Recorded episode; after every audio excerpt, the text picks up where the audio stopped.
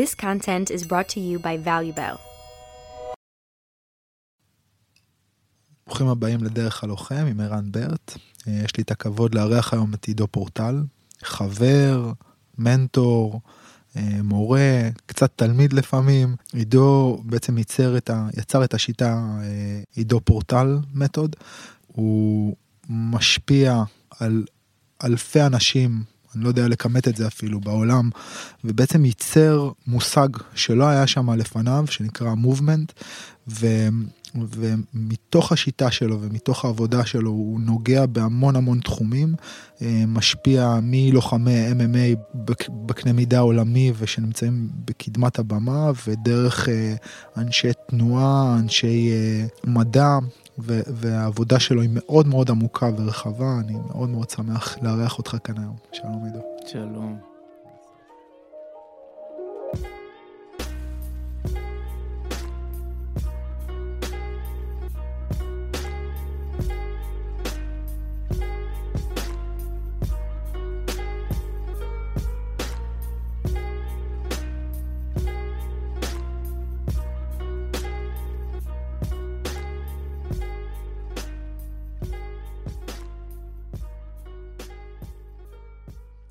אז אה, אולי איזושהי שאלה שאני אתחיל איתה שהיא נובעת מאיזשהו שיח שלנו יחד עם, אה, עם, עם עוד קולגה או מורה שמשפיע עלינו ו, ומרגע ששמעתי את השאלה הזאתי היא חוזרת אליי ואני נהנה לשאול אותה המון תלמידים שלי ואנשים שמסביבי. למה התכנסנו פה היום? כלומר מה המשמעות של הכל? מה המשמעות של התרגול? מה, למה אנחנו עושים בכלל את מה שאנחנו עושים למה אתה עושה את מה שאתה עושה? כן, זו שאלה נפוצה מאוד, אני חושב שהרבה התעסקו בה, הרבה דברים מתעסקים בה. אמ, אני עברתי איתה הרבה תהפוכות וממשיך לעבור איתה תהפוכות, אני חושב שזה חשוב לייצר איתה איזשהו דיאלוג חוזר ולא להירדם חזרה לתוך איזושהי הוויה שהיא לא מודעת או לא מתייחסת לאיזושהי אי ודאות גדולה או טיב הדברים, אה, טיבנו שלנו. אמ, ואני חושב שאחת מנקודות ההתחלה הטובות זה אני לא יודע ואני מחפש. ובזה שאני מחפש אני כבר מגשים איזשהו אידיאל חשוב. אה, אז אני חושב שהחיפוש עצמו, כמו, ה, כמו שקמי אמר, הגלגול של האבן במעלה ההר הוא כבר מספיק בשביל למלות את ליבנו. כן, האבן אולי תתגלגל חזרה למטה, אבל uh, החלופה uh, היא לא באמת עדיפה בשום צורה. ומשם משתחררים דברים ונוצרים תובנות, אבל בדרך כלל, בעיקר כשמישהו ככה הוא מגיע חדש לשאלה הזו, אני מכוון את זה לשם. לחפש את אותה, אולי, יש כל מיני מילים שקשורות משמעות, או לחפש את הלהיות שלנו, מה זה להיות, איך להיות. זה בעצם הפרקטיס, הוא איזשהו דרך שבדר... שבעזרתה אנחנו מכירים את עצמנו, או בעצם מבררים שאלות על, על, על, על עצמנו. ו- וכשמגיע בעצם מישהו לעשות עכשיו, אה, הוא מסתכל עליך ב- ביוטיוב ורואה את עידו עושה סלטה, אז, אה, אז מה? אז כאילו, זה, זה, זה, זה מרגיש לפעמים קצת, אה, איך אני אגיד את זה? שטוח, מה זה, אני עכשיו אגיע ואני אעשה הליכת לטאה או אני אעשה סלטה ודרך זה אני אכיר את עצמי? אה, כן, בהחלט. אה, אלה דברים שיכולים, אפשר להשתמש בהם בשביל להכיר את עצמך. אני חושב שההיכרות עם עצמך היא משהו מאוד פתוח, קצת כמו איזה נוזל, שאנחנו זקוקים למיכלים בשביל לשאת אותו. ובעצם המיכלים הם שונים והם לפעמים פחות רלוונטיים. אז אתמול אולי זה היה סלטה ומחר זה הליכת לטאה. היום זה אגרוף. ו... נכון. ואני חושב שההיצמדות להפך למיכלים מעוורת אותנו מהמוכל. אמ, ובאמת, איך לשאת אותו. בניו אייג' הרבה התחילו לציין את המוכל, אבל לא השכילו להישאר צנועים אה, ולהבין את הצורך במיכלים. אז לפעמים זה מתמסמס שם. מצד שני, אלה שהתרכזו רק במיכלים, שכחו שהם לשם המוכל. מה המהות? כן, ואז ההליכה ביניהם אה, היא חשובה. אה, אתה לא תימנע מלקבל איזשהו גוון, סגנון, אה, דרך ספציפית. אנחנו כבר מתגשמים בעצם ההוויה שלנו פה. למרות שיש לנו תחושה של משהו הרבה יותר גדול ולא מוגדר שהוא אנחנו. ואנחנו כל הזמן מתגבשים ומתגשמים באיזושהי צורה, וגם התרגול הוא כזה. אה, אז זה שומר עליך צנוע ולפעמים אני יכול להתעסק בדברים מאוד אה, אידיוטיים כביכול, אה, אבל דרכם לגעת בדברים עמוקים יותר. אני, אני חושב על זה הרבה, על, על היחסים שבין מסגרת לתוכן, על, ה, על היחסים ההדדיים האלה, ואיך המסגרת לפעמים משפיעה על התוכן, ואיך התוכן לפעמים מס, משפיע על המסגרת. ואם אתה שוכח את היחסים האלו ואתה מתרכז רק באחד מהם, אז בעצם אם אתה לא חושב על המסגרת אז אתה הופך להיות פלואידי לגמרי, התוכן הופך להיות משהו שכאילו אתה מתמסרס. ואם אתה חזק מדי במסגרת, ואתה מעבה אותה, אז אתה נופל לתוך הבורות האלה של אסתטיקה, או של, אה, אה, אנחנו מדברים על זה הרבה, אפקטיביות, אם אנחנו חושבים על לחימה.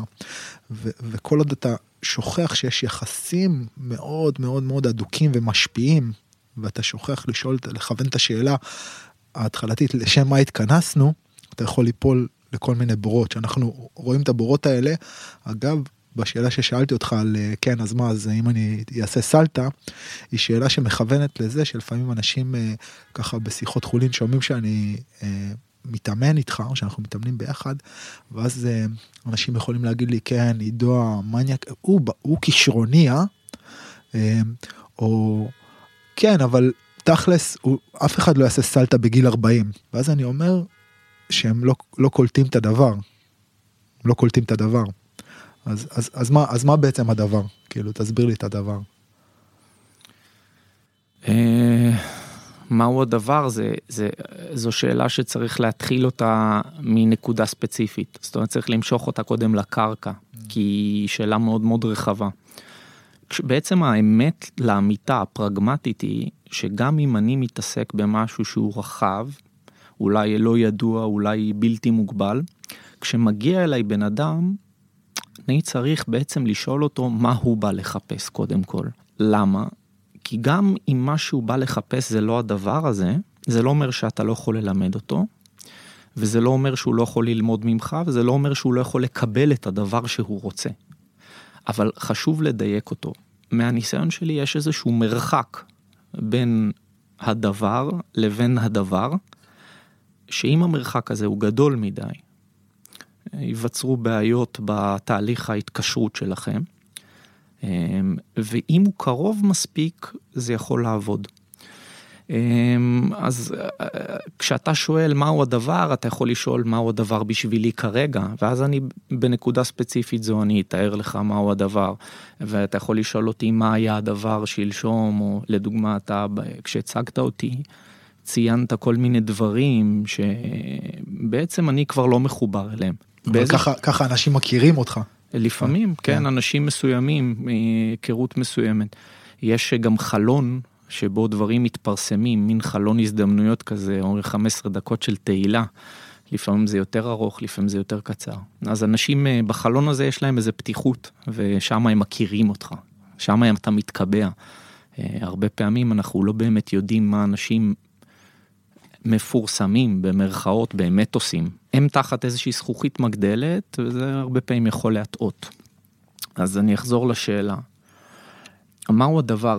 הדבר הוא איזושהי התעסקות בתרגול שאפשר להגיד, להחליף גם את המילה תרגול בלהיות. או אפשר גם לקרוא לזה תרגול חיים. מה, מה אני בתור בן אדם, איך אני עובד על עצמי? מה אני בעצם, לאן, מה אני אמור לעשות פה? זה מתקשר לזה. האם אני אמור להעביר את הזמן? האם אני אמור להיות מאושר? האם אני אמור להיות בן אדם טוב במרכאות או לא במרכאות? התשובה שלי היא שאתה אמור פה לעשות איזשהו, איזושהי עבודה. ויש לה, לעבודה הזו, היו כל מיני שמות, גם השתמשו חלק מהאנשים במילה עצמה, העבודה, לדוגמה גורדייב השתמש במילה הזו. והניסיון שלי בתרגול התנועתי הוא לתת לאנשים גם איזושהי עבודה על עצמם. לאורך חייהם. יכול להיות יש לזה ביטויים יותר אה, יפים, פחות יפים, יותר יעילים, פחות יעילים, ביטויים בריאותיים, או ביטויים של הרס של הבריאות לפעמים. אמ, זה צריך להיות רחב מספיק בשביל להכיל את הכל. ו- ואני דאגתי שבתוך הדרך הסתכלות שלי אני שומר על המסגרות האלה פרוצות. זה צריך להכיל את כל תחומי התנועה בתרבות הפיזית האנושית, כמו מחול וכמו לחימה וכמו אה, שיטות סומטיות שמתעסקות יותר בהתבוננות פנימית. ובסופו של דבר זה גם צריך לנהל דיאלוג ולהכיל את ההפך מתנועה, שזו העצירה, חוסר התנועה. סטילנס. כי גם בתוך עצירה יש סוג של תנועה. כן, זה אחד האספקטים, אה, ו- וכמובן גם להפך. אבל איך אני יכול לדעת את העצירה אם לא ידעתי את התנועה, ולהפך כמובן. אה, ניסיון כזה הוא ניסיון הרבה פעמים ילדותי. הוא... אה, אתה צריך לדעת את המנעד. וזה אומר הרבה על כל מיני דרכי תרגול, אני חושב שאני התאכזבתי מהם בהרבה מקומות. זה, זה התמונה הגדולה באיזשהו מקום. ואז בן אדם בא לזה ומתקשר עם זה, ויכול להיות שהוא לא נמצא עדיין בנקודה הזו, אולי הוא צעיר, או רוצה משהו כזה, או שהוא לוחם, הוא צריך את העזרה, הכלים הספציפיים. ואז מתוך ההסתכלות הרחבה הזו, יש לך איזשהו לוקסוס מסוים. לעזור, לראות בבהירות גדולה יותר. אמ, בהירות של מישהו שהוא לא טוב בכלום, אבל הוא, הוא יכול, הוא רואה הרבה, הוא עומד על איזה מגדל, והוא מתבונן והוא רואה את הנוף ואתה יכול לתקשר איתו. ואז הוא יכול אולי לעזור בנקודות מסוימות או לחשוף אה, בעיה מסוימת, הוא לא מחויב לכלום. אני לא קשור בשלשלאות הרגילות, יש לי, לכל אחד יש את השלשלאות שלו, אבל אתה חופשי לראות יותר אולי. חופשי גם בעצם, בגלל שה... יצרת על עצמך איזושהי דרגת חופש, אתה גם חופשי לעשות את, להיות בעצם... אתה. כן, ואז אני, אני שומע אותך, אנחנו מדברים הרבה, ואתה, אתה, אני שומע אותך משתמש במילה כנות. לא הרבה פעמים להיות כנה. אה, כנות ובהירות. אוקיי, ומה... בוא, בוא, בוא אולי תרחיב לי על המושגים האלה בתוך התרגול או בתוך השיטה שלך או בתוך בעצם ה... איפה הם לא נוכחים או איפה הם אמורים להיות נוכחים. כן, אה, המילה כנות אה, היא גם קשורה בעוד מילה מעניינת שיש לה קונוטציות אפילו יותר רגשיות, אה, שזה צניעות, או לחילופין כמובן שחצנות. אני חושב שהמילים האלה בשפתנו היום, הדרך שבה רוב האנשים תופסים אותם, התרחקו מהמקור שלהם והתרחקו מהכנות שהייתה בהם. הכנות היא בראש ובראשונה כלפי עצמך. אתה יכול לשקר לכולם. אבל אם אתה כנה כלפי עצמך, בעיניי אתה שומר על ערך מאוד גבוה. אנחנו גם לא יכולים להימנע מן השקר, אה, ועל זה גם דיברנו לאחרונה. הם המלט שמחזיק את החברה שלנו יחד אה, ומאפשר להרבה דברים לקרות, אז אה, מי שאומר לך שהוא לא משקר, כמובן על ראשו כובע בוער. אבל הכנות כלפי עצמך היא כבר עניין אחר. כי שם אתה בעצם מייצר איזשהו ניקיון שמוביל לאותה בהירות שדיברנו. וזה גם מוביל לצניעות.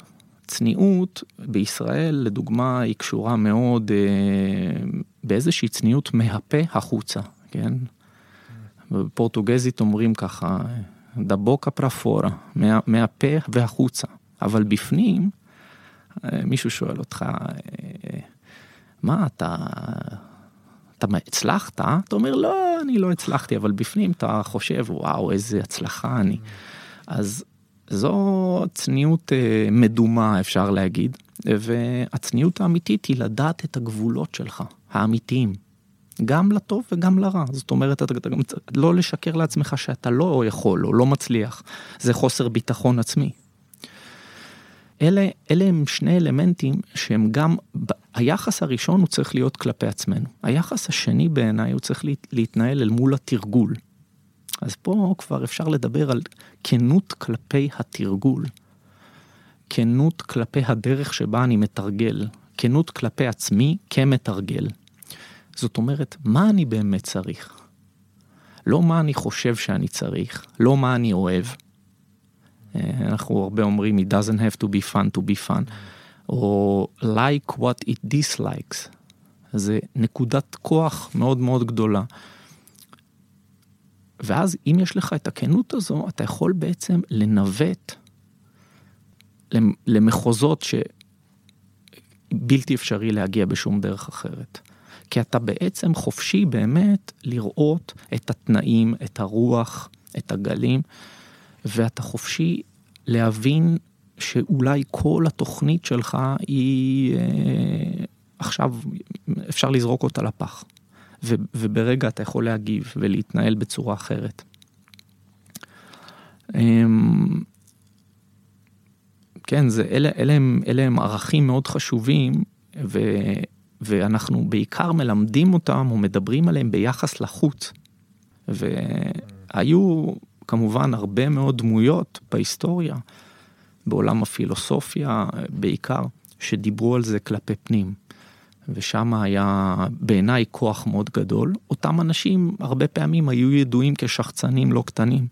בכל מיני סיטואציות, כי בעצם הביאו איזושהי כנות מאוד גדולה שהרבה פעמים חרתה או, פג, או, או יצרה תנגודות באלו שמסביבם. כי זה מערער על הסדר הקיים הרבה פעמים, ואנחנו לא יודעים איך, איך, איך להכיל את הדבר הזה, כי אם בעצם הדבר הזה שאתה אומר עכשיו, הוא מערער על הסדר ובעצם מערער על מי שאני, אז איך אני יכול להכ, להכיל את הדיסוננס הזה? כי זה בעצם דיסוננס שמחייב אותך לנהוג בכנות. ואז להגיד, אני מכיר בזה, ועכשיו אני צריך להשתנות, או אני מכיר בזה ואני מכיר בזה שאני חי, ב, חי ב, בח, בחטא או בשקר.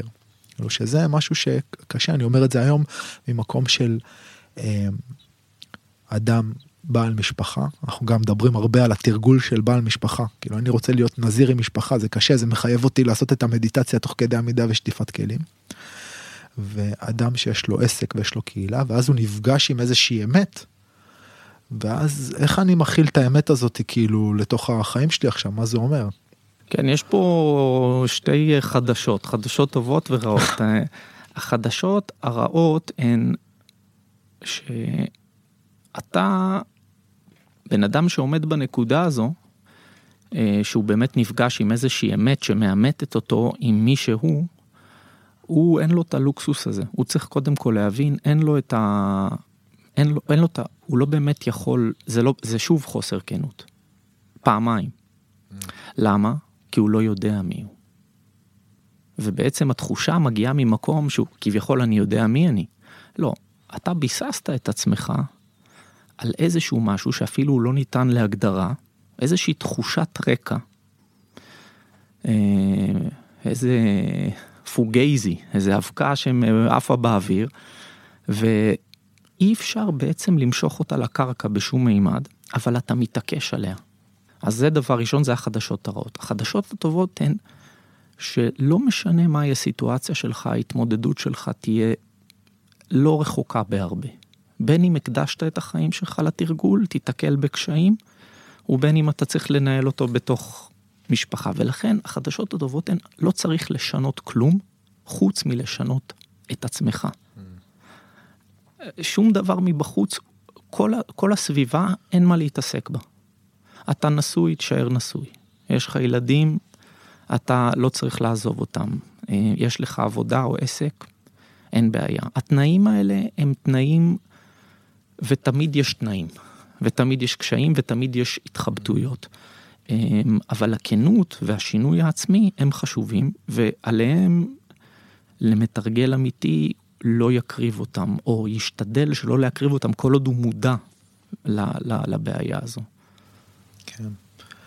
ברמה מסוימת, אתה יודע, וזו עוד פעם אמירה שמבוססת בהרבה מסורות, אה, אה נקרא לזה רוחניות, אף על פי שזה שם מאוד כזה, ההבנה היא שהסבל תמיד נוכח.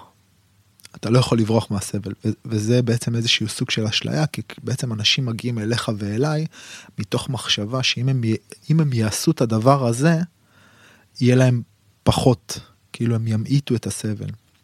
אבל למעשה הם לא ימעיטו את הסבל, הסבל תמיד נוכח, זה הם יעשו משהו פנימי שיאפשר להם להתבונן על הסבל, או לחוות את הסבל, או לנהל דיאלוג עם הסבל בצורה שונה. וזה בעצם השינוי, אם אני מבין נכון, שאתה, שאתה מדבר עליו. כן, אתה מצביע על דברים נכונים. בעצם אתה עכשיו מדבר בכנות אה, כלשהי לגבי זה, וזה באמת נכון. אתה יודע, גם אה, אם אתה מסתכל, הרבה מדברים על זה לאחרונה, בשנים האחרונות, על סטטיסטיקה של אנשים שזכו בלוטו, או אנשים שאיבדו את הרגל. והם חוזרים לאיזה שהם מדדים די מהר. גם כשזוכים בלוטו, מדדי העושר קופצים לאיזה שנה, וגם כשאתה מאבד כביכול את הכל. בחלון ההזדמנויות הזה, אז אתה נשאר עם מי שאתה. כאילו אתה חוזר להיות מי שאתה כן, באמת. אתה מתאזן, זה לא שאתה חוזר להיות מי שאתה, אתה כבר, אתה לא יכול לחזור להיות מי שאתה ואתה לא יכול להש- להשאיר את מי שאתה, אבל אתה מצביע על דבר נכון, משהו מתאזן חזרה. ומה זה הדבר הזה שמתאזן? יש איזשהו, איזושהי חוקיות להכל מסביב. במדע אה, יש לה הרבה שמות, אחת השמות זה הומאוסטזיס. אמ, ויש איזה שהם כוחות שכל הזמן פועלים עלינו, והם לא בשליטתנו, חלקם מגיעים מתוכנו, חלקם מגיעים מבחוץ, ואנחנו אבל כן כל הזמן שואפים להתאזן בעצם. אז הסבל הוא חלק מהתהליך הזה, והתנגודות של הסבל, שהסבל מייצר ומה שהוא משחרר, הסבל לדוגמה מייצר אנרגיה שאפשר להשתמש בה לכל מיני תהליכים טרנספורמטיביים. אבל הוא גם אפשר להיתפס רק על הסבל ובכלל לא להרגיש שיש בו את האנרגיה הזו ויש בו את ההזדמנות הזו. אפשר רק לסבול. נכון, או לסבול פעמיים, כן. אה, שזה הכי גרוע, לסבול מהעובדה שאתה סובל או לפחד מהפחד או... אז בעצם מה תפקידנו בכוח עם, עם, ה, עם הזמן ש, שחולף ועובר? אנחנו צריכים בכנות לחלוק עם אנשים איזושהי נקודת מבט ויכולת ליישם אמ, כל מיני יחסים כלפי סבל, כלפי עושר, כלפי סביבה משתנה ולייצר בתוכם את היכולת לאזן את עצמם ולהתבונן, להבין מה קורה, לא להיות תלויים כל כך עד למצב שכמובן אופטימלי שאליו אנחנו שואפים, שבו אין לך שום תלות או השפעה, מהשפעה, בהשפעה חיצונית. אמ, ובעצם זה אולי נשמע ככה, מה, אתה יודע, אנחנו, אתה מתעסק בלחימה, אני מתעסק בתנועה, אה, חלק יקראו לזה פיטנס או זה, מה אנחנו פה עושים, אבל בעצם, אם אנחנו לא מגיעים למקום הזה, אז מה עשינו? בזבזנו את הכרטיס. כן, אז מה עשינו? אז בעצם זו, מטר, זו מטרתו של כל מתרגל, וזו מט- מטרתה של כל שיטה. שיטה זה מילה בעייתית, אתה השתמשת בה לפני, אני משתמש בה בתוך איזושהי מוסכמה. שיטה זה לא מילה נכונה, כי שיטה לא יכולה לשרת את זה. אבל דרך, המילה דרך אולי יותר טובה, או דרך הסתכלות, אה, אה, משהו כזה. זה פותח לי הרבה דברים, אבל אני שנייה נותן איזה חצי צעד לאחור. מקודם דיברנו על הדבר, ואז אמרת שהדבר עבורך בעצם, אתה יודע, הדבר עבור כל בן אדם, הרבה פעמים הוא מחליף. אז אולי ככה שים את הדברים באיזה קונטקסט, ומה הייתה הדרך שלך? כלומר, מה היה הדבר בשבילך, נגיד, מתחילת התרגול שלך? כי אני חושב שזה אולי יכול לתת פרספקטיבה טובה לאנשים ששומעים אותנו, או למתאמנים, או לאנשים שהולכים בדרך, מתוך הבנה ש... הבהירות הזאת היא לא דבר שמגיע, כי בעצם יש פה איזשהו תהליך של עיצוב, גם עם אנשים שנמצאים במקום מתקדם בתרגול שלהם, התרגול מתבהר להם לאורך הדרך והוא משתנה והוא מקבל. אז מה היה הדבר עבורך באמת בעצם? אה, כן, זה איזשהו, אני אומר, סולם רעיונות או סולם אה, שצריך לטפס בו. וזה, אגב, הסולם הוא לא עולה למעלה, זה סולם שהולך לכל הכיוונים. אה, ולפעמים אגב צריך לרדת מאיזה שלבים בשביל להמשיך לעלות כי הסולם נגמר פה וכל מיני כאלה. אז הכנות שאנחנו מדברים עליה באה. נכון. קשה לרדת בסולם כי אם כבר הגעת ואתה מורה ואתה הכי טוב נכון. אז מה עכשיו נכון. תהיה פחות טוב. ולפעמים יש דברים יותר דרסטיים ולפעמים אתה מאבד את הידיים ואת הרגליים בתאונה ועכשיו אתה לא יכול לטפס על הסולם כמו שטיפסת אז אתה צריך ללמוד לטפס עם הפה. Mm. וזה כמובן מטאפורה אה, אז זה, זה הרבה פעמים אולי לא קורה פיזית, אבל זה כן קורה באיזשהו מימד מנטלי או רגשי, שצריך ללמוד לעבור אותו. אה, הדרך שלי, אה, היום יותר ויותר אני מעריך משהו שהוא איזשהו גב. באיזשהו שלב התחלתי להגיד את זה לאנשים לפני איזה 15 שנה כבר הייתי אומר את זה. זה לא משנה מה אתה רוצה ללמוד. מה שמשנה זה אם מצאת מורה אמיתי. אנשים נורא שנאו את זה. לא הבינו שיש בדבר הזה כוח אמיתי, ובעצם אני הרגשתי את ההתנהלות הזו לרמה מסוימת. אז אני בהתחלה רציתי ללמוד אומנויות לחימה, בעצם מאותו מקום שאתה רצית ללמוד. אבל מהר מאוד, בניגוד אליך, לא המשכתי עם הדרך הזו האמיתית של הלחימה, אלא רצ... בעצם התחלתי להתעצב לכיוון שהוא בדיעבד הבנתי הרבה יותר תנועתי, מבוסס על גילוי, מבוסס על חקר, מבוסס על הגוף, מבוסס על הקשר שלי עם הגוף שלי. ובעצם אה, שם מצאתי, זה, זה שיעור שלמדתי מהקפוארה. בהתחלה לא, כשהגעתי לקפוארה בעצם היה לי איתה איזשהו אהבה שנאה, מערכת אהבה שנאה. כי מין הייתה אה, מוזרה ונשית ויש בה הרבה מאוד אנרגיות מנוגדות.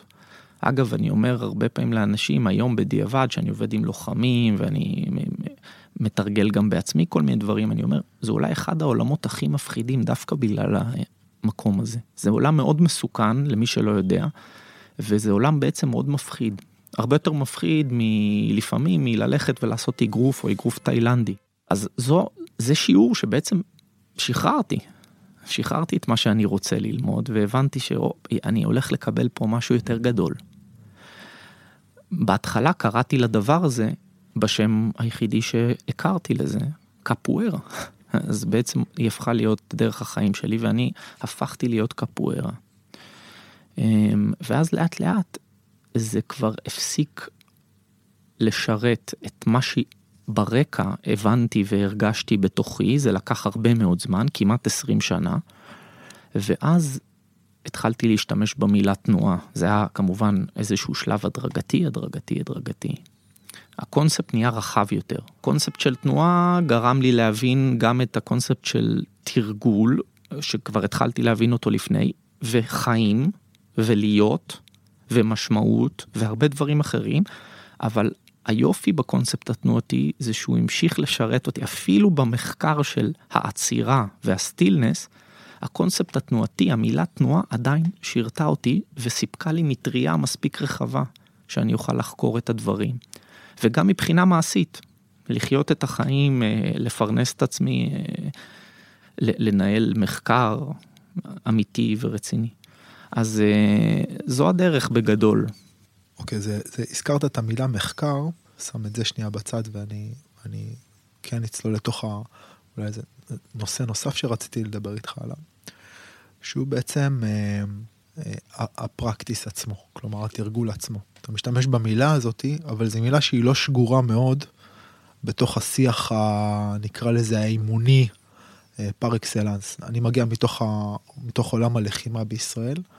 אני לא שומע הרבה אנשים, הרבה לוחמים, הרבה מאמנים מדברים על מחקר. בתוך עולם ה fitness, so called, או הכושר, אני גם, מחקר זה כאילו... תרגול, כן, תרגול. כן, כאילו, מחקר... גם המילה תרגול לא משתמשים. בדיוק, אני הולך להתאמן, אני עושה אימון. וזה עוד פעם מתקשר למשהו אחר, שאנשים מסתכלים עליך לפעמים, אני שומע את זה בשיחות, אה, אתה יודע, בשיחות אה, לובי כזה בזה, ואומרים, כן, הוא כישרוני. ואז אני אומר, חבר'ה, הוא לא, הוא לא כישרוני. הוא כישרוני כמוני או כמוך, הוא פשוט hard worker. אז, אז תן לי שנייה אולי איזשהו, כאילו, את, איך אתה מסתכל בעצם על התרגול או על המחקר שלך, או בעצם מה, מה, תתחיל מה, מהפשוט, כאילו, מה, מה הלו"ז שלך, אנשים, אני לא חושב שהם מבינים את זה בשגרת היום, ואיך זה מתחבר בעצם לדברים הגדולים האלה שאתה מדבר עליהם, כלומר, מה, מה, מה, מה הבטם פה עכשיו? התרגול היא המילה הרחבה יותר. המחקר משרת את התרגול. הוא בעצם אמור אה, להודיע לתרגול מה לעשות. כי למה? כי אם אין לך מחקר, אז אתה מסתמך על מחקר של מישהו אחר. אבל המחקר של מישהו אחר הוא אף פעם לא יכול לגמרי להתאים לך, לספק אותך, ובטח ובטח בדברים אינטימיים אה, כאלה של תרגול של החיים שלנו. אז אה, בעצם שני הדברים האלה הם צריכים להיות חלק מחייו של כל בן אדם בעיניי. והם בעצם גם קורים בחייו של כל בן אדם, הם קורים שם. בין אם תרצה או בין אם לא. כל מה שנשאר לך זה יותר אולי לדייק אותם. אז בעצם לוחם MMA, יש לו תרגול, רק שאולי לפעמים הוא לא יודע את זה. ואז אה, הוא משתמש באמת במילה של אימון או משהו כזה, אבל יש כל מיני נקודות שבגלל השימוש בשפה הלא נכונה, הוא ייפול בהן, והוא לא ידייק לעצמו דברים מסוימים. ואז הוא יתמכר לכל מיני flavors, טעמים, ש- שהם אימוניים לדוגמה. מה למשל? תן דוגמה רק ש... ש, ש... אצלכם, אצלכם כן. זה כמובן מאמץ, זה אחת ההתמכרויות הכי כן. גדולות, הזעה, כן. מאמץ. אתה מרגיש שבאת והרווחת את האימון. כן. אה. זו חולשה גדולה מאוד. כי בעצם היא לא מאפשרת לך במובן הזה, זה בדיוק כמו לאכול ספייסי מאוד. כאילו, אם זה לא ממש, אין לך, אז אתה לא יכול ליהנות כבר ממשהו פשוט. כאילו, אם אכלת עכשיו שוקולד, איך תהנה מתפוח? נכון? משהו בסגנון הזה. זה משהו בסגנון הזה, אבל הבעיה היא יותר קשה. אם לא היית יכול ליהנות וזה היה נגמר שם, הייתי סולח עליה. אבל אתה לא יכול לבצע התקדמות מסוימת, כי אתה לא יודע, אתה לא יכול לחקור, אין לך מחקר. ובעצם אנחנו לא מלמדים את ילדינו לחקור, לגלות את הלא נודע, אנחנו מלמדים אותם את מה שאנחנו יודעים. ואנחנו בתור מורים מלמדים את מה שאנחנו יודעים, או מדגימים את מה שאנחנו למדנו, ואז אנחנו נחשבים למורים מצוינים. החדשות האמיתיות הן שאין שום דבר שמורה כזה יכול לתת לי שאני לא אקבל בגוגל או בספר כלשהו. אבל יש מורים אחרים שאם לא תפגוש אותם, לא תגיע. הם המורים שמלמדים את מה שעוד לא גילו. גם הם אולי. והרבה פעמים. אז בוא נחזור למילה תרגול, שהיא המילה החשובה יותר. אנחנו לא הגענו, אנחנו לא נמצאים במקום יציב, אנחנו לא יודעים מי אנחנו. גם אם אנחנו חושבים שאנחנו יודעים מי אנחנו, אנחנו בנקודה יותר בעייתית. כי אין לנו אפילו את הכנות של להתבונן פנימה ולהבין שאין לנו שום אחיזה יציבה בשום דבר שאנחנו קוראים לו אני. בעצם אנחנו מתנהל בתוכנו סערה של אני, זה כמו איזה טירה, אה, וכל פעם אתה דופק בדלת ומשרת אחר פותח לך את הדלת. ואנשים בעצם מנסים לייצב את זה על ידי כל מיני דברים חיצוניים אליהם, כי הם לא מצליחים לייצב את זה מבפנים. אז הם uh, הולכים להתחתן, הם מתחייבים לערן לאימוני ז'יוז'יצו לחצי שנה. הם מנסים לייצר איזושהי יציבות, כי הם יודעים שבתוכם אין יציבות. בעצם אם אני יציב, אז אני אבחר את בת הזוג שלי כל יום מחדש. זה הכוח הכי גדול, זו האהבה הכי גדולה. אבל כשאני מרגיש שאני לא יציב, אז אני מחליף את זה באיזשהו, באיזשהו משהו אחר, באיזשהו קביים, קביים חיצוניות. וככה אנחנו גם עושים עם הדת, וככה אנחנו גם עושים עם המדע, שבעצם הוא לא באמת הרבה יותר טוב. תרגול, הוא מתעסק בזה. אנחנו לא יודעים, אני לא יודע. עכשיו, מה אני צריך לעשות? אני צריך לתרגל, לא? אני צריך להגיע.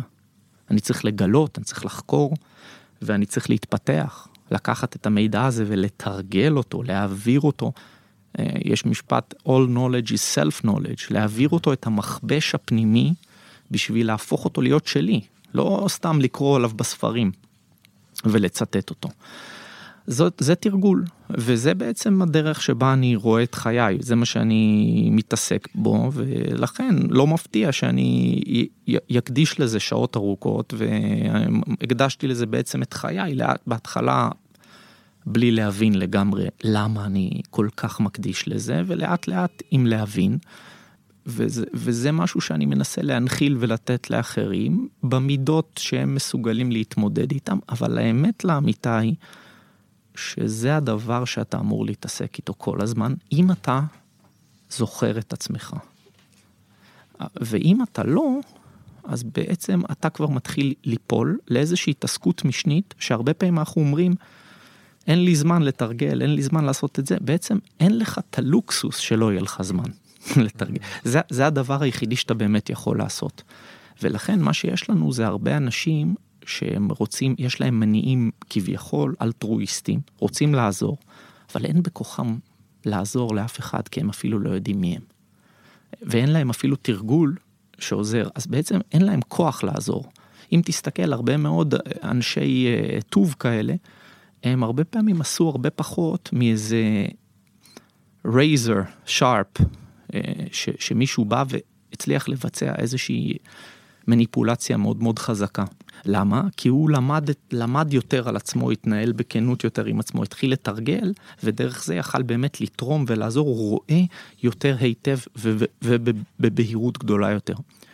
זה התרגול, ואז מהו התרגול? אתה יכול לעשות את זה עם אפייה, אתה יכול לעשות את זה עם אומנות, אתה יכול לעשות את זה, אבל אתה בעצם כבר לא מתעסק יותר באפייה. בטכניקה.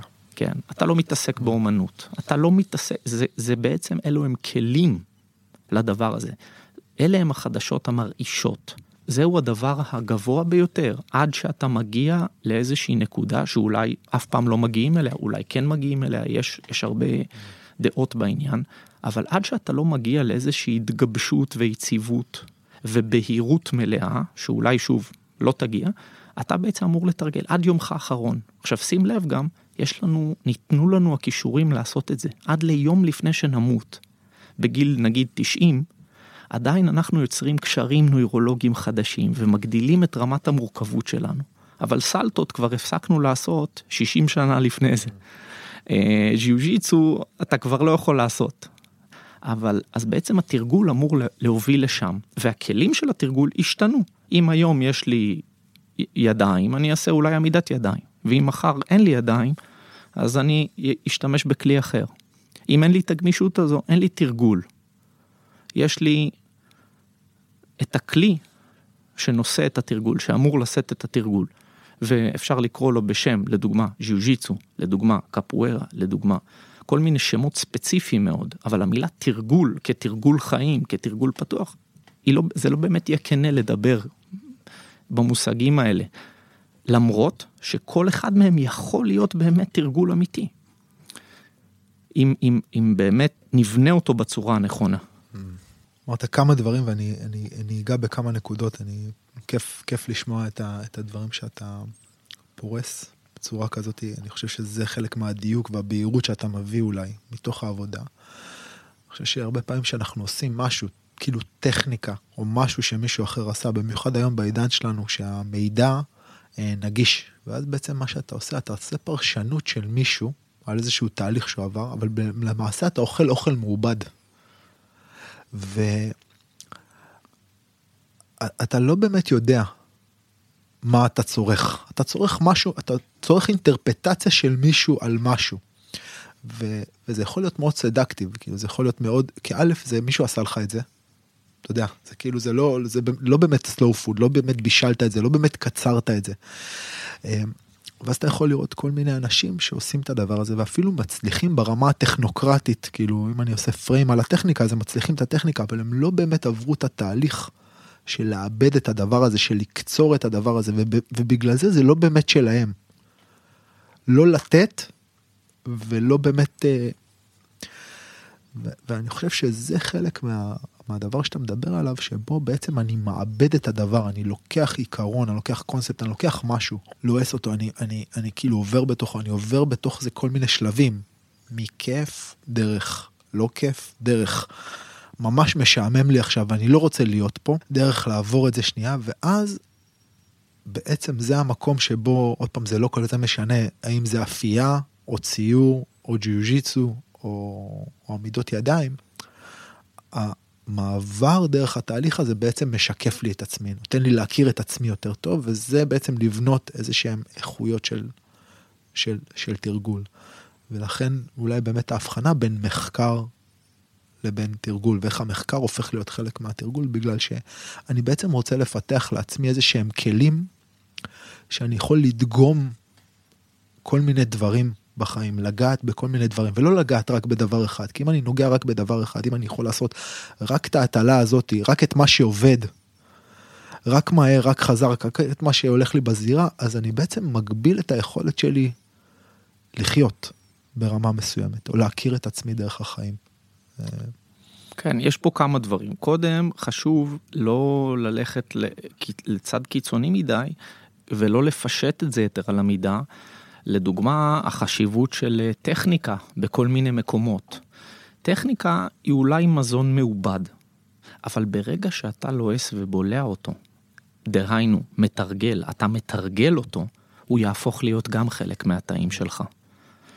ובעצם הטכניקה לא תישאר זרה מחוץ לגוף שלך, היא תהפוך להיות אתה. ולכן אין לי איזושהי אה, אברציה מטכניקה, אני לא נמנע מזה או, או לא עושה לזה דימוניזציה. זה גם תלוי מאוד מתי, ילד שמגיע אליך בגיל 10, 12, 14, הוא חייב איזשהו בסיס טכני, כי אם לא, כלומר, אתה לא יכול לשאול את השאלות שאנחנו שואלים עכשיו מישהו שאין לו, ש, שאין לו איזשהו יסוד להתחיל להכיל, בגלל זה בוא לא פה... ניפול, בוא לא ניפול לשוב לאיזשהו מקום של חוסר בהירות. גם אותו ילד בן 13, ההסתכלות שאתה מדבר עליה היא מתייחסת להצלחה ב- בלחימה. ו- ואולי זה נכון פרגמטית, אני חייב בסיס טכני. אבל אם, ה, אם ההסתכלות שהיא הצלחה בחיים, mm. אולי אני לא צריך להסתכל על זה ככה. אז בעצם אני מנסה למשוך את זה למקום הכי רחב, ואני אגיד לך את האמת, מה שנכון לילדים הוא בדרך כלל מה שנכון לנו. אמ, יש, יש איזה, כל מיני רבדים מאוד מאוד אה, בקצוות שאולי הם משתנים, אבל האמת הקיומית היא חוצה את כל השכבות של קיום. חומר, אנרגיה, תהליכיות, אה, חוקי הפיזיקה, מתמטיקה, השפה של כל הדברים. אז אני דווקא הולך למקום רחב, ואני אומר, הטכניקה, אפשר להשתמש בה שימוש נהדר.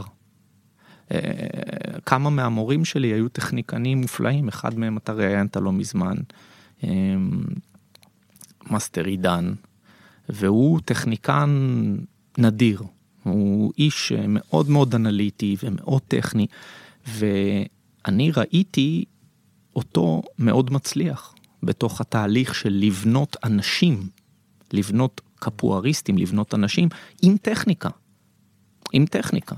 הכלים שהוא השתמש בהם היו כלים מאוד מדויקים, סכיני מנתחים. אה, אני הסגנון שלי קיבלתי מזה וגם קיבלתי ממקומות אחרים. ואני גם אוהב להשתמש בכלים יותר פתוחים ו, ואולי אפשר להגיד איזוטריים, אולי אפשר להגיד יותר רחבים. יש להם חסרונות, יש להם יתרונות. אני מאמין שזה לא הדבר הקריטי, אתה רק צריך לדאוג שיעכלו את זה כמו שצריך. אז יכול להיות שאני אלך למקדונלדס ואולי אני אזמין את הסלט שלהם. ואני אמצא את הדרך אה, שאני כן אעכל את זה טוב בתור מתרגל. ולפעמים זה יהיה יותר טוב מאיזה אוכל בריאות שהוא בעצם אה, שקרי ומסתתר שם הבעיה. אבל התרגול הוא הדבר הקריטי, ואותו אל לנו לפספס. לא נלך לצד הטכני או הלא טכני. האם אתה מתרגל? יותר קל לתרגל טכניקה ברוב המקרים. אבל יש לזה כמובן חסרונות. אבל לתרגל זה משהו שאני לא אה, מתפשר עליו. אם, אם אני רוצה להישאר כנה ביחס למטרות הגדולות שלי בלפתח ילד או בן אדם, או בין להצליח אה, בענף ספציפי, וכן הלאה. המערכת שלנו היום אנחנו מדברים פה על בעצם סוג של חינוך למשהו מסוים. אז אני מסתכל על איך המערכת בנויה, זה משהו שאני חושב עליו הרבה. בעצם ילד נכנס, אה, כבר היום בגן זה מתחיל, פעם זה התחיל בכיתה א', היום בגן, אתה יודע, גיל חמש, ארבע וחצי כבר מתחילים להכיר אותיות, כדי להכין אותם בעצם לאיזה משהו. מרגע שילד נכנס לבית ספר, הוא בעצם נכנס לתוך מסגרת שאומרת לו שמה שמשמעותי זה בעצם ההצלחה שלו בפרמטרים שבעצם המערכת כימתה כדי לנבא סוג של הצלחה. אבל למעשה... אתה שם לב שנתקעת שם. Mm. שזה בדיוק התקיעות, אין, כן. אין לזה שום מטרה, mm. אז, אז אתה תצליח, אבל את, בתכריכים אין כיסים, אז אתה, אז אתה ת, תסיים את התואר בהצלחה, ואז מה, ואז מה, ואז מה, ואז מה.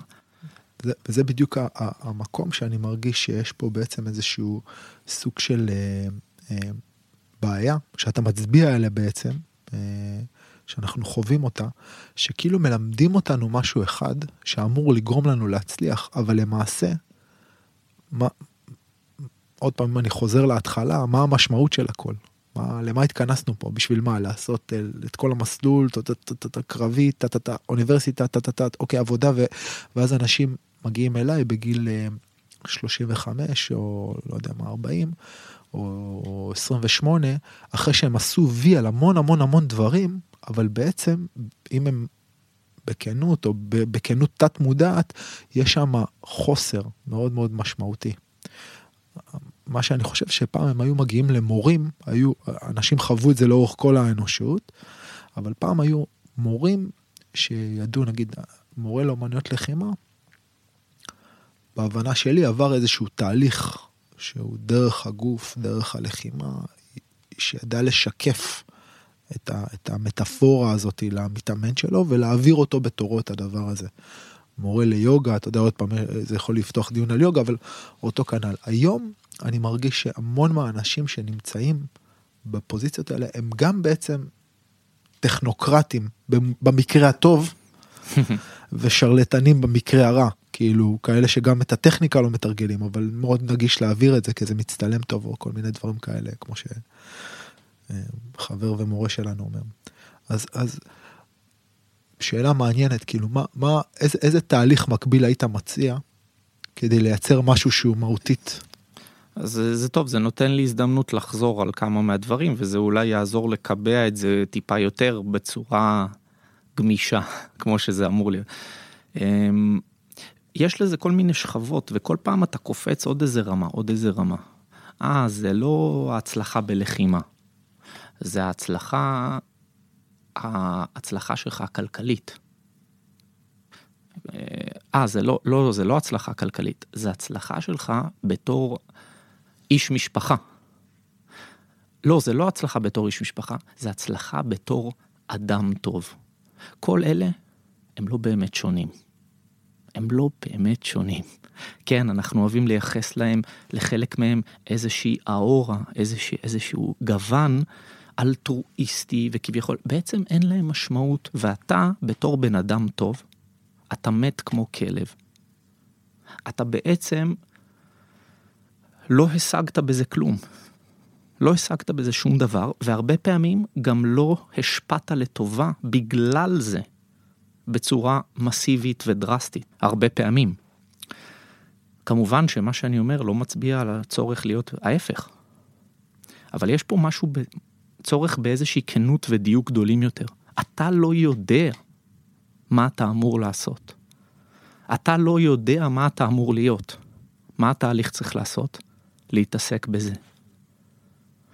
ואז אתה מדייק משהו.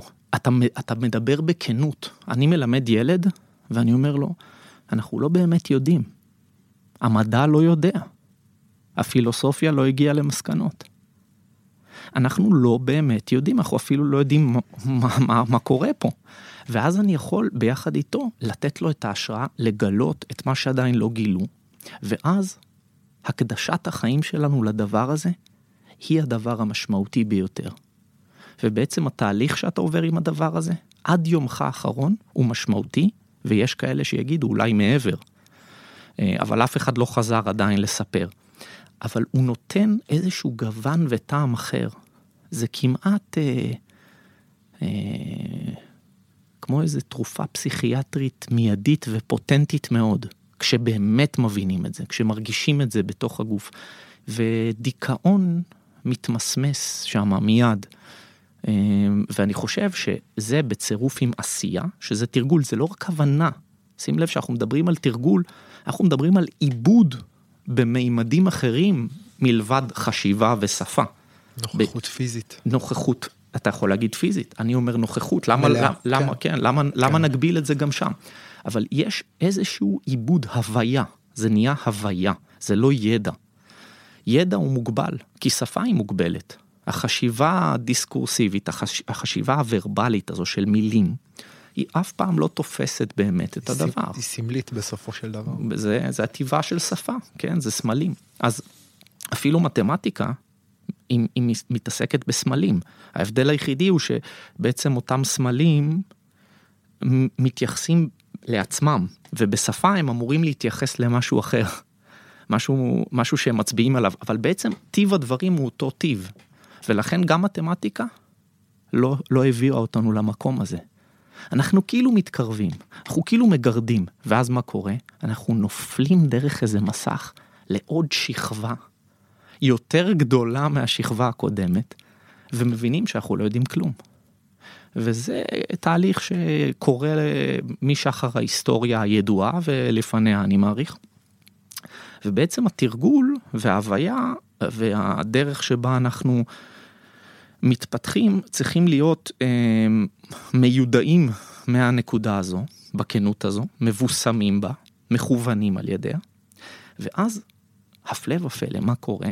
כל השאר מסתדר. אתיקה מופיעה בצורה טבעית. אה, כנות מופיעה, היא, היא נחוצה. אה, אהבה לזולת מופיעה. הבנות של מי אני בעצם. אתה דיברת על אותם שרלטנים. היום כבר אין לי כעס בליבי עליהם. אין להם ברירה. זה מה שהם ידעו. משחקים. את המשחק וזאת הברירה היחידה שלהם. כן, הם לא, הם לא ידעו. רוב השרלטנים קודם כל עשו לעצמם את מעשה השרלטנות. ועכשיו הם עושים אותו לכל השאר. יכול להיות שאגב חלק ממעשה השרלטנות הם עושים רק לאנשים והם לעצמם הם יודעים את האמת אבל עדיין יש שם מעשה שרלטנות גם בזה. ואגב להיות שרלטן אמיתי זו רמה גבוהה מאוד ובעצם זו רמתו של המתרגל. אם הוא תרגל שרלטנות. נכון, נכון, אבל, אבל באמת, אבל שרלטנות אמיתית. שרלטנות אמיתית היא היכולת לבצע מניפולציות על, ה, על, על טיב המציאות אפילו. אה, וזה שוב, זה משהו שהוזכר על ידי כל מיני דמויות שתמיד יש להם איזושהי, איזשהו אה, אה, גוון ש... בעייתי. כן, גורדייף כזה. גורדייף, כן. אחד מהם כמובן אחד האהובים, וקרישנמורטי וניטשה, אושו. ואושו שהוא דמות גם בעייתית אבל ולא ידועה בטבעה הרבה פעמים. אמ, ועוד ועוד ועוד, אה, אה, אה, טרונקפה. אז, אז יש הרבה, הרבה מן הכנות הזו כשהיא מופיעה, היא מפחידה את זה שישן עדיין, את זה שלא רוצה להתעורר, ו, והוא בעצם, הוא מקבל איזשהו, איזושהי נקודת מבט, אבל הוא מיד בורח כאילו, כי הכל התמוטט לו. בעצם, שום דבר לא התמוטט לו, כי אין לו כלום. זו ההבנה שחשוב בעצם להבין ולהשתחרר ממנה. ואז... אשליית השליטה. נכון, אשליית השליטה, אשליית הידע, אשליית האני, יש לזה הרבה שמות. אני לא יודע, אני לא... אני, מי שלוקח את עצמו כל כך ברצינות, הוא, הוא בבעיה. הנוחות במובן הזה והמוכר הם בעצם קצת האויבים של החיפוש והכמיהה אחרי הדרך, כי ברגע שנוח לך ואתה כאילו מרגיש שקצת, עוד פעם יש לך את את, את, את, את הדבר הזה פה, את האישה, הבית, שני ילדים, כאילו, ואני צריך, זה, זה מאוד מאוד, אה, יש שם איזה גבול שקשה לחלות, לחצות אותו, כי מעבר לגבול הזה באמת, אתה יודע, זה הכאוס. זה לא מודע, ואנחנו כל הזמן צריכים לייצר לעצמנו איזה מקום שמרגיש לנו שיש לנו שליטה ויש לנו, אנחנו כאילו on top of things, אבל תכלס האמת בעצם, העומק של זה, שאין לנו שליטה על כלום ואנחנו בנפילה חופשית. אנחנו פשוט פותחים מטריה ואנחנו מרגישים ש... שאנחנו בתוך איזושהי... משל טוב לזה, תחשוב אנחנו לוקחים איזה סירת מרוץ לוקחים כמה קילומטר מהחוף. ויש את אלה שתמיד קופצים, שוחים. ויש את אלה שלא, לא, לא, לא, לא. למה? כי יש תחושה של עומק לא ידוע ופתיחות מסביב לא ידוע. בעצם, מה המציאות? אתה לא הרבה יותר בטוח על סירת המרוץ מאשר במאי, לפעמים פחות בטוח. אז שוב, אתה נאחז במשהו, זה פחד שמגיע מחוסר ידיעה, מחוסר הבנה. ולכן אני אומר, טיבו של הכאוס הוא טיבו של האוקיינוס הזה, של הים הזה. ובעצם הוא לא מה שאתה חושב שהוא. כן, הוא יכול להפוך להיות אכזרי מאוד ביחס לאינדיבידואל. אבל כשאתה חושב על הים, אתה חושב עליו כעל משהו כאוטי ורע, במובן הזה? לא. אל לך לחשוב גם על החיים ככאלה, או על הטבע. לדוגמה, שאנחנו רואים איזה סרט של חיות עושות דברים מחרידים כביכול, ועם זאת, הם לא מחרידים כמו מה שאנחנו עושים. לא מתקרבים אפילו. אנחנו המוסריים, הערכיים וכולי וכולי. אולי אה, נסיים פה, נסיים עם איזה, עם איזה שאלה עוד פעם ככה ש, שיכולה לכוון אותנו. שתי שאלות, אה, שתי שאלות. אחת אולי מובילה לשנייה. אחד, אה, מה היית ממליץ היום לאנשים כשהם מחפשים מורה? כי בעצם אתה מדבר על הנוכחות של איזשהו מישהו שבעצם מארגן את הדרך הזאת, אנחנו מדברים על התרגול ועל המקום הזה ועל בעצם המכה, החשיפה לעצמך, אז, אז מה קווים מנחים לבחירתו של מורה?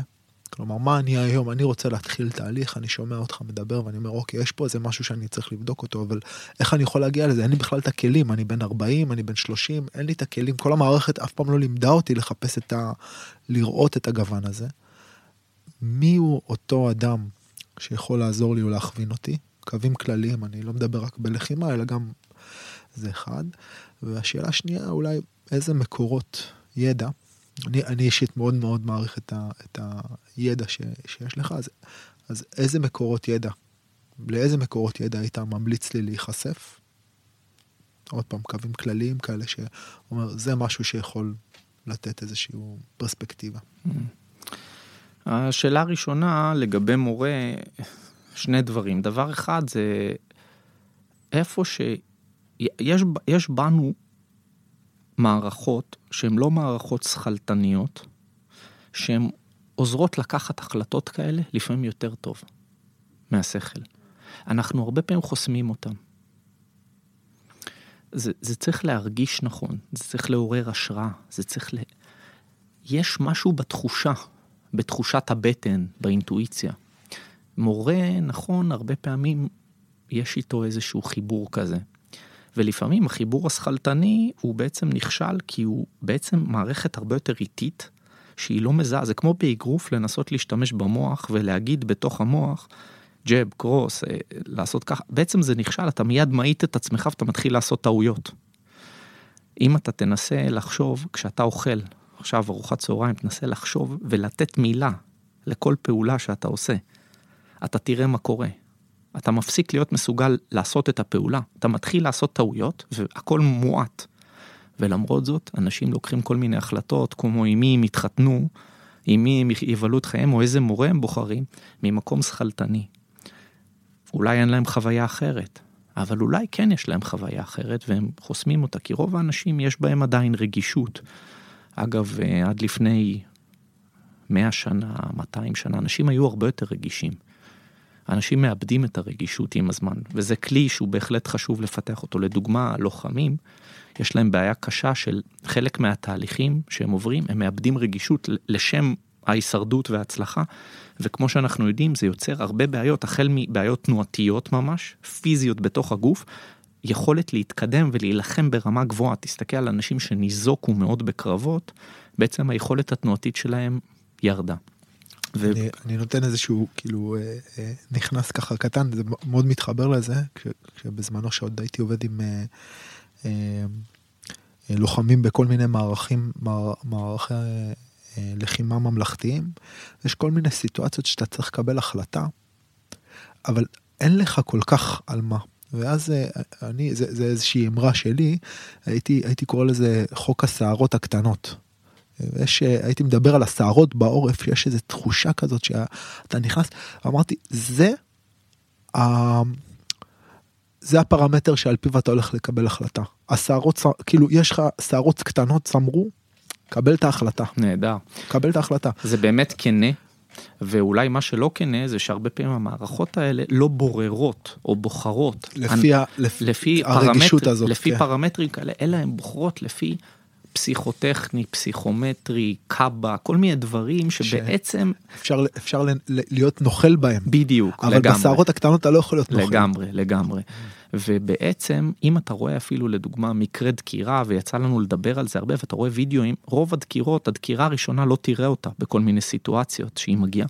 אבל הרבה פעמים, למרות שאנשים לא רואים אותה, איכשהו הם יוצאים מזה, ורוב המקרים, אין שם כלום. הם חסומים, הם לא מרגישים שום דבר.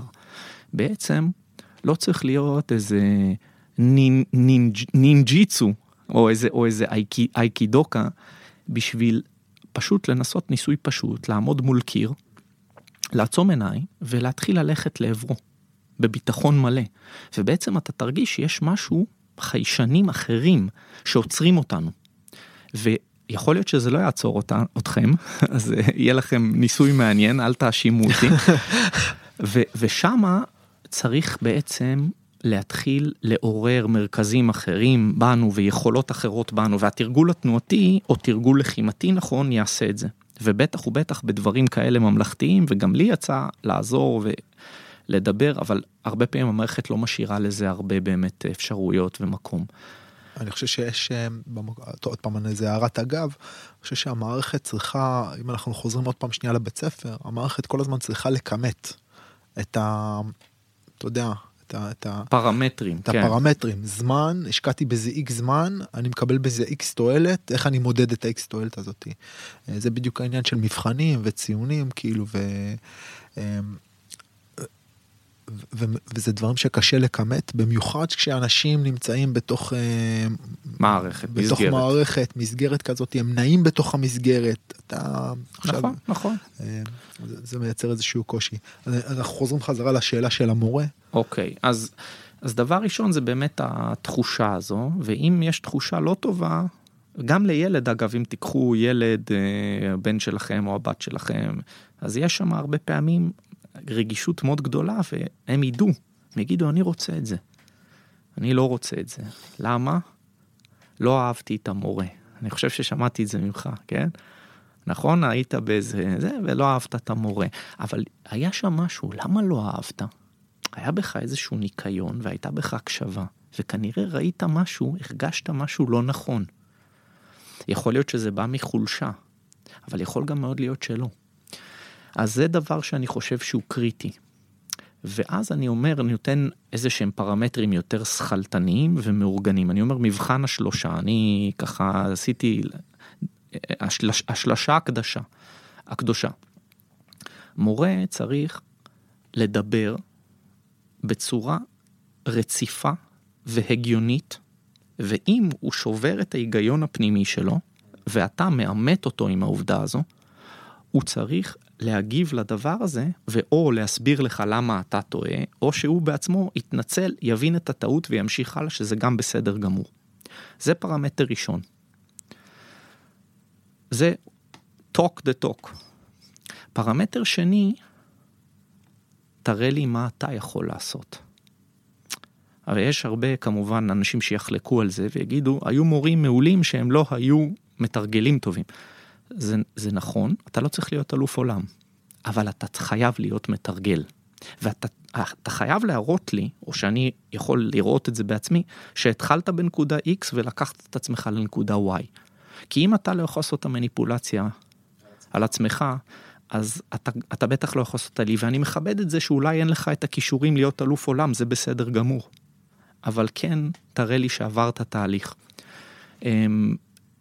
אגב, בהתאם לזה, אני לא הייתי הולך לתזונאית אה, שמנה, אה, או לסקסולוג אה, ש... שלא עושה סקס. ור- כן, לוורג'ן סקסולוגיסט, כן, ל... ל... שאף פעם לא עשה, הוא בתול עדיין. ו- ו- ואגב, אני גם אומר את זה לא מבחינה רק פרגמטית, אלא מבחינה פילוסופית. זאת אומרת, אני אבחר שלא ללכת גם אם אני ישוכנע שהוא מורה טוב. כי אני בוחר במתרגל. כי הצלחה בענף הספציפי היא לא מה שרק מעניין אותי. אני בוחר במתרגל. ואז הדבר השלישי, תראה לי דורות של תלמידים שפיתחת, שהם מגיעים מהחתך אוכלוסייה, אפשר להגיד, שלי. אם אתה לא יכול להראות לי את זה, יכול להיות שאתה מתרגל נהדר, יכול להיות שאתה הכל הגיוני, אבל אם אתה לא יכול לעזור לי, אז, אז מה זה משנה? ואלה הם שלושת הדברים שאני מחפש במורה. ואני רוצה לראות את התהליך הזה, אני רוצה לראות את התהליך שהוא עבר, שהתלמידים שלו עברו, ואני רוצה לשמוע את ההיגיון בדרכו. אולי אגב אני לא יכול להבין את ההיגיון, אבל גם זה ישרת אותי. אולי אני עדיין לא שם. זה משהו שאני ממליץ. והשאלה השנייה שלך... שנייה לפני זה, אני okay. רוצה אוקיי. רק להגיד ברמה האישית שלי, אני פגשתי את השיטה שלך, סיפרתי לך את זה כבר לדעתי פעם, לפני משהו כמו 10-11 שנה, ב, אני חושב שזה היה, ממש היינו, זה היה בפארק הירקון. רועי העביר כאילו איזה שיעור שם, היינו ארבע, אני זוכר ארבע אנשים וחתולה ליד, שום דבר, ומי שהעבירה את החימום הייתה ליאב. היא הייתה ילדונת, היא הייתה בת איזה 18, לא יודע מה זה. יותר מאוחר, בת 20 ומשהו, אבל כן, אבל הייתה, שוחררה מהצבא. אני זוכר אותה ילדונת, והיא העבירה את ה... היא העבירה שם כאילו את ה locomotion, whatever, כאילו. אבל היא הייתה, היא הייתה פיקס, כאילו, היא העבירה את זה פיקס. ואמרתי, אם היא מדריכה ברמה כזאתי, ילדונת כזו כביכול. ילדונת כזאת, כאילו אני, אתה יודע, הייתי כבר אחרי, אתה יודע, קורסים חזרתי, והכשרות. קורסים, חזרתי, הקמתי מערכים, הייתי בזה, אבל היא עשתה עבודה פיקס. ואמרתי, אם היא מדריכה ברמה הזאתי, אוקיי, אז אני רוצה, אז שאלתי אותה, כאילו זה לא הסתדר לי, רועי העביר וזה לא הסתדר לי. שאלתי אותה, מי, מאיפה, הוא המורה שלך? אמרה, לא, עידו המורה שלי. ואז אמרתי אוקיי אז אני רוצה לפגוש את המורה שלך אז כאילו זה ברמה הזאת של לזהות שנייה איזושהי איזשהו שרשור של הוויה ידע לא יודע איך לקרוא לזה אבל זה זה שם אני מאוד מאוד מאוד מתחבר לזה. Mm. כן השאלה השנייה הייתה לגבי מקורות ידע אני חושב שהיום יש בעיה כללית עם ידע קודם כל צריך ללמוד ללמוד mm. צריך להתחיל משם רוב האנשים גם אלה שהיום כביכול לומדים הם לא באמת יודעים ללמוד בצורה רצינית, הם לא באמת חוקרים, ב... אז uh, באמת יש לנו דברים כמו הפודקאסטים, ודברים של כל מיני, בעצם uh, סיכומי סיכומים סיק... של דברים. אני אגיד לך את האמת. הומאופתי כזה, flavor של משהו. זה יכול להיות, זה, אתה נותן כן. לזה קונוטציה, אבל כמו שאנחנו יודעים, יכול להיות פודקאסטים נהדרים גם. זאת הבעיה, הבעיה היא שכאילו אתה יכול אתה צריך, אתה צריך בעצם ללמוד לברור. נכון, זה וזה חלק מהתהליך של ללמוד ללמוד. אז אני הייתי דווקא משקיע קודם כל בדבר הזה. להבין, הרבה פעמים, אתה יודע, אנשים לומדים אצלי, אה, באים פה ושם לאירועים במהלך שנים, אבל תכלס אני מתראה איתם שבועות בחמש שנים. שלושה שבועות או משהו בחמש שנים במצטבר.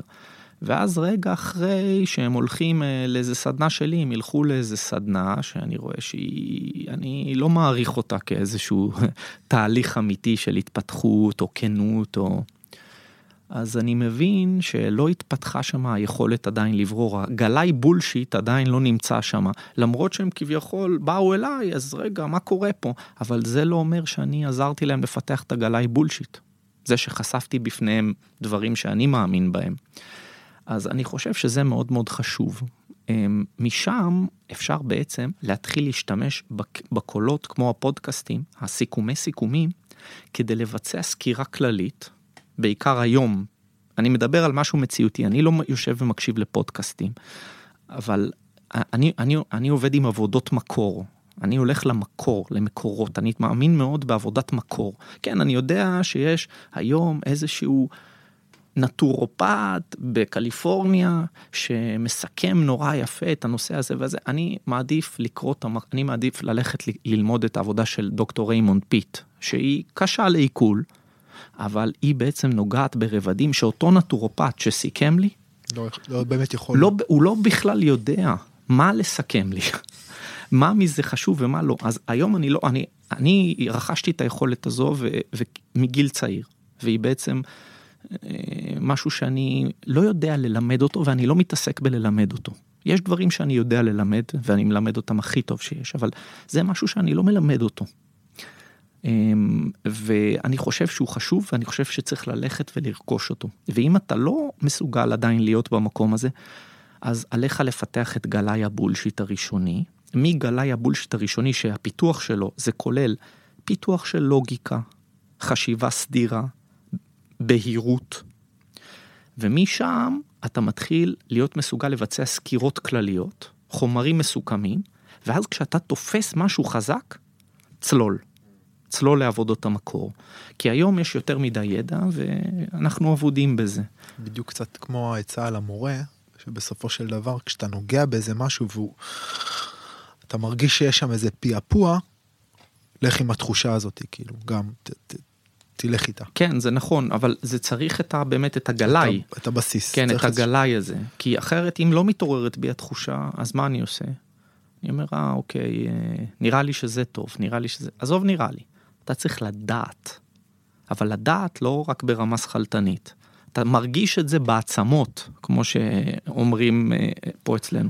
וחוכמת ההמונים אה, עוזרת במקום הזה? כלומר, אם יש מספיק אנשים שממליצים על משהו. בהחלט לא. בהחלט לא. בהחלט לא. איפה שיש את ההמונים... אני מרים לך להנחתות, אתה יודע, כן. אני יודע כאילו מה... כן, איפה, איפה שיש המונים, אה, לרוב אין, אין, אין עומקים. וזה טיב הדברים, הידע הוא... הידע הפוטנטי הוא נחלת מעטים ותמיד היה ככה, זה טיבם של הדברים. אם, אם אתה לא מתעסק בידע ואתה לא מתרגל, למה לי להקשיב לעצתך?